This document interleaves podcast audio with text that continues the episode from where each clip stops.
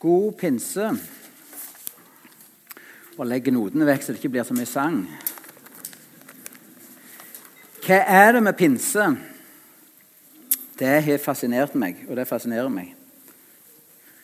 Eh, en liten flokk med disipler Kanskje var de 70, kanskje var de 50, kanskje var de 120 som var samla i en by med antagelig hundretusenvis av mennesker. Og så skjer det noe den første pinsedag som gjør at denne lille gruppa av mennesker preger bybildet. Jeg syns det er helt utrolig. På første pinsedag så ble 3000 liv forandra. 3000 mennesker ble frelst på første pinsedag. Og Det starta sånn vi leser i apostelgjerningene 2 om at de var samla til bønn. Og så fyller lyden av en sterk vind huset. Det er jo et annet symbol på Den hellige ånd. En mektig vind, Lyden av en mektig vind fyller huset. Og så kommer ildtunge som deler seg og setter seg på hodet til hver enkel. Til alle som var samla. Og så går de ut og så taler de frimodig om Jesus og det han har gjort. Hvordan var dette mulig? Hvordan kunne det skje? Takk. Eh, og I apostelgjerningene 2-4 så får vi en liten nøkkel. Der står det Da ble de alle fulgt av Den hellige ande og tok til å tale på andre språk. Og Dette kan vi se igjen og igjen i apostelgjerningene i Bibelen. At Gud fyller sine disipler med sin hellige ånd. Og Resultatet er at de går ut og så forteller de om det Jesus har gjort, og deler Guds ord. De blir fulgt av Guds ånd, og så begynner de å gå. De blir fulgt av Guds ånd, og så deler de Guds ord. Det skjedde med de første disiplene. Og det trenger å skje med deg og meg igjen og igjen. Og Det er det første jeg vil vi skal lære av pinsedag.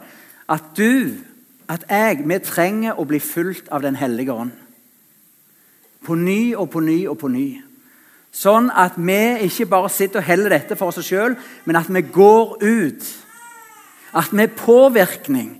At vi gir Guds ord videre. At mennesker skal bli frelst. Bare for å være litt sånn pedagogiske Jeg vet ikke hvordan pedagogisk det er. Så tok jeg med to flasker. Se vekk ifra at det er Lerums saftflaske som jeg har pynta. Tok av etiketten. Men den ene er tomme. Og ei tomme flaske det er svak flaske. Den kan du klemme. Hun står ikke imot ytre press. Hun gir seg fort. Du kan til og med forandre formen på henne. Og Samme hvor mye du klemmer, så får du ikke noe ut av henne. Hun er tom. Men derimot ei fodleflaske den har en helt annen styrke. Den står imot ytre press. Den, den tåler å bli klemt litt på. Og til og med er det, er det sånn at hvis du skrur av låget og klemmer, så, så har du noe å gi videre. Er dere med på bildet? Som kristne så skal vi ikke være som tomme flasker som lar oss forme og prege av omgivelsene. Men vi skal på ny og på ny og på ny bli fulgt av Den hellige ånd, sånn at vi har motstandskraft. Sånn at vi har noe å gi videre til andre. Og Det var nettopp det Jesus hadde sagt til disiplene. Dere skal vente med å gå ut. Hold dere i ro. For all del ikke begynn å gå og del nyhetene, for dere skal få kraft. Den hellige ånd skal komme over dere sånn som det er lovt. Bli fulgt av Ånden. Jeg, jeg, vil faktisk snakke litt om det i dag. For det er så utrolig viktig for ditt og mitt kristenliv, ja, for mennesker rundt oss, at vi på ny og på ny og på ny blir fulgt av Den hellige ånd. Det står i Efeserne 5,18.: Drikk dere ikke fodle på vin. Det fører til utskeielse, men bli fulgt av Ånden. Drikk dere ikke fodle på vin, men bli fulgt av Ånden. Dette har jeg delt før, men jeg skal dele det igjen. Det er utrolig oppbyggelig med den grammatikken som står her på gresk. For 'bli fulgt' står i presens imperativ, passiv flertall. Og det er grunn til å si halleluja for. Presens på gresk uttrykker en vedvarende, gjentagende handling. Bli fulgt og bli igjen og igjen fulgt. Imperativ det er befalingsform. Dette er ikke noe for deg som ønsker det, men det er Guds vilje for ditt liv. Mitt barn, bli fulgt og bli igjen og igjen fulgt av min ånd. Og det står i passiv. Det vil si at det å fylle oss med Den hellige ånd det er ikke noe vi sjøl kan gjøre. Vi kan ikke fylle det på oss, men det må bli gitt oss. Mitt barn, la meg på ny og på ny og på ny få fylle deg med min ånd. Og så står det i flertall, og halleluja for det. Det gjelder alle kristne. Det var ikke bare møtelederen og lovsangslederen, men det er for alt Guds folk. Mitt folk, mine barn, dere skal være et åndsfullt folk. La meg på ny og på ny og på ny få fylle dere. Så dere har kraft til å gå ut, så dere har kraft til å stå imot, så dere har kraft til å være mine vitner. Hva vil det si å være fulgt av Den hellige ånd? Det er kanskje et fremmed begrep for mange her.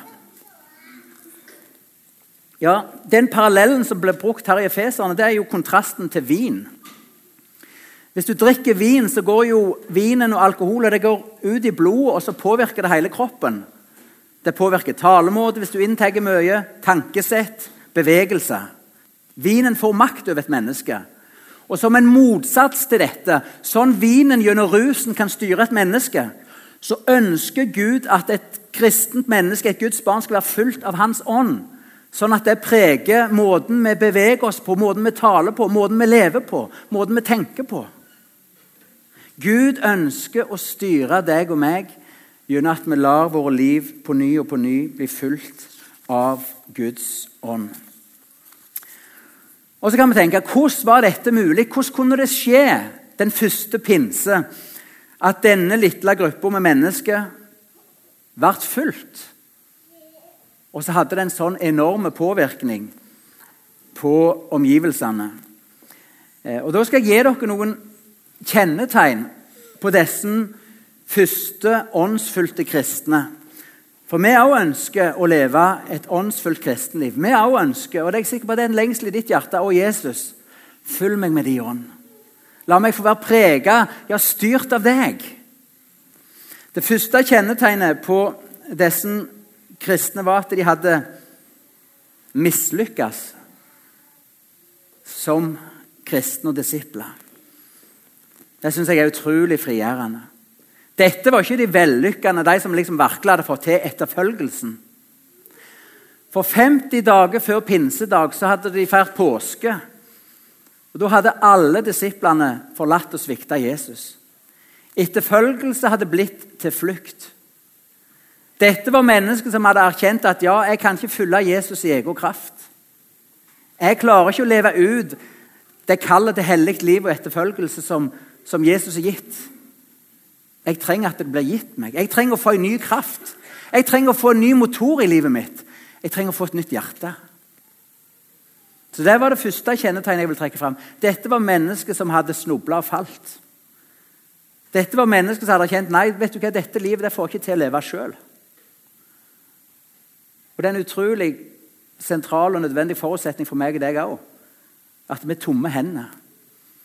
At vi ikke tenker at kristenliv det handler liksom om å bare få de gode rutinene på plass, og så er vi sjølgående og klarer oss. Nei, vet du hva? Vi klarer det ikke. Vi trenger hjelp for å leve et kristent liv.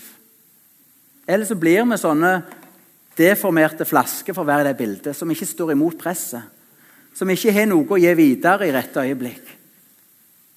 Og Jesus, følg meg med de ånd. Jeg holdt på, og det, Den fella kan jeg gå igjen og igjen, men jeg holdt på å slite meg ut som prest. Jeg jobbet som prest for en del år siden i Den norske kirka.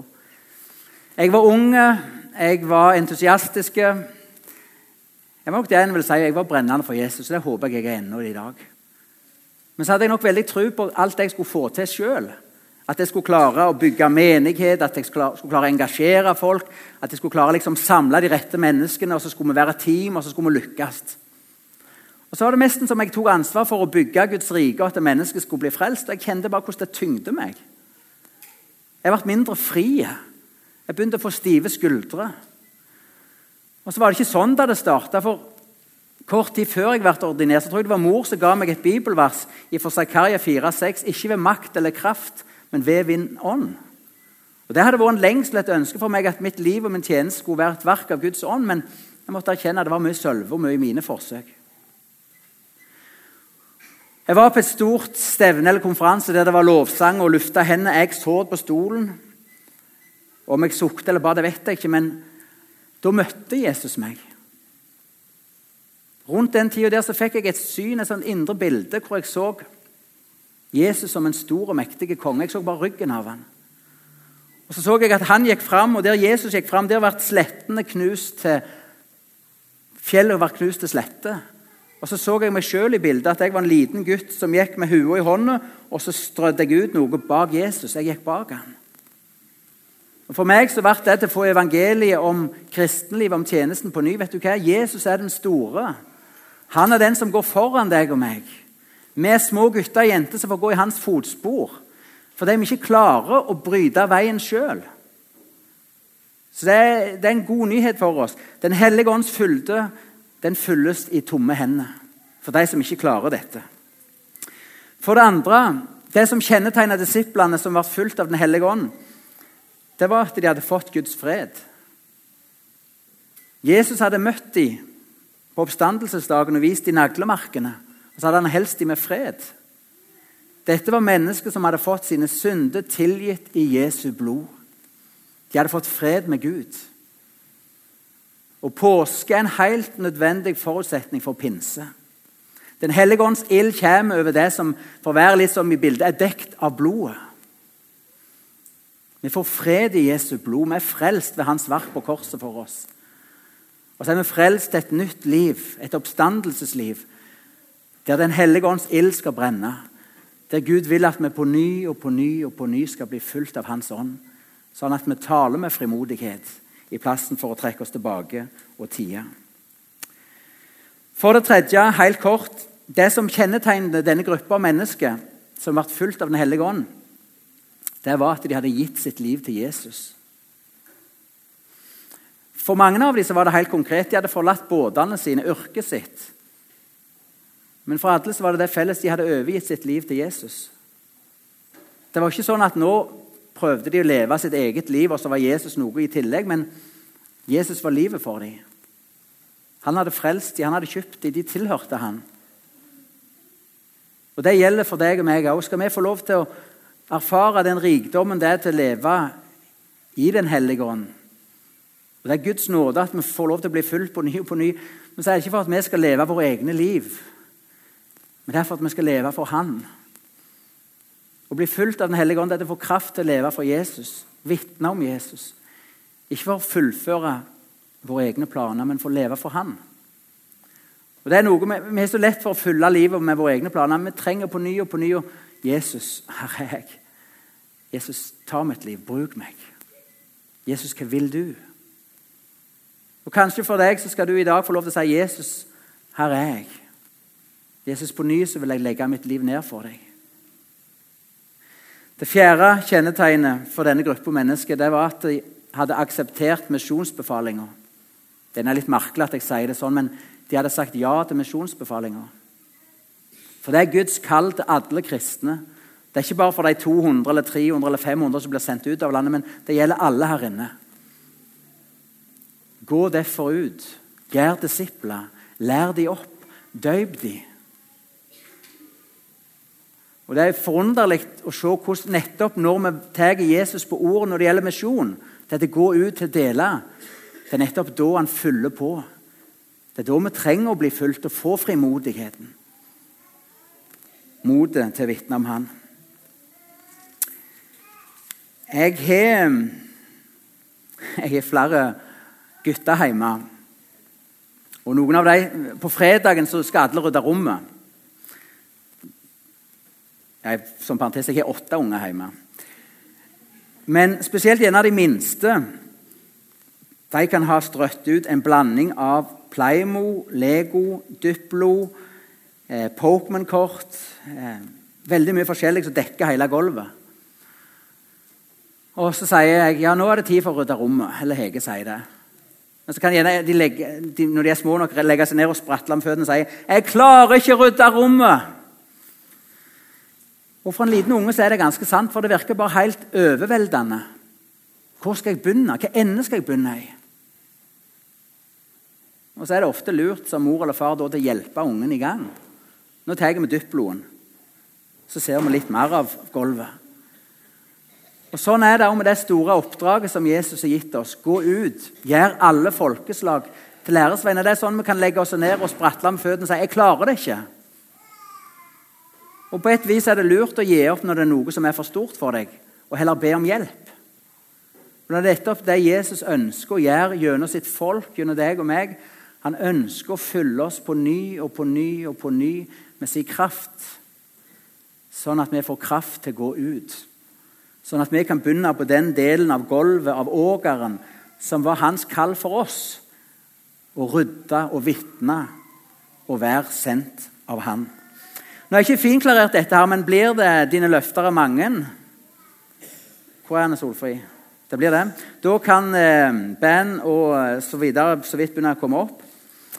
Eh, det var en sang jeg tenkte på i dag som jeg syns oppsummerer pinsen veldig flott. Den er skrevet av Sigurd Lunde. 'Dine løfter er mange'. Og Den skrev han på vei hjem fra Haugesund til Stavanger. Han var tidligere biskop i Stavanger. Han og Ove Konrad Hansen og Oddvar Søvik sikkert med flere hadde vært hatt Helligåndsseminar i Haugesund.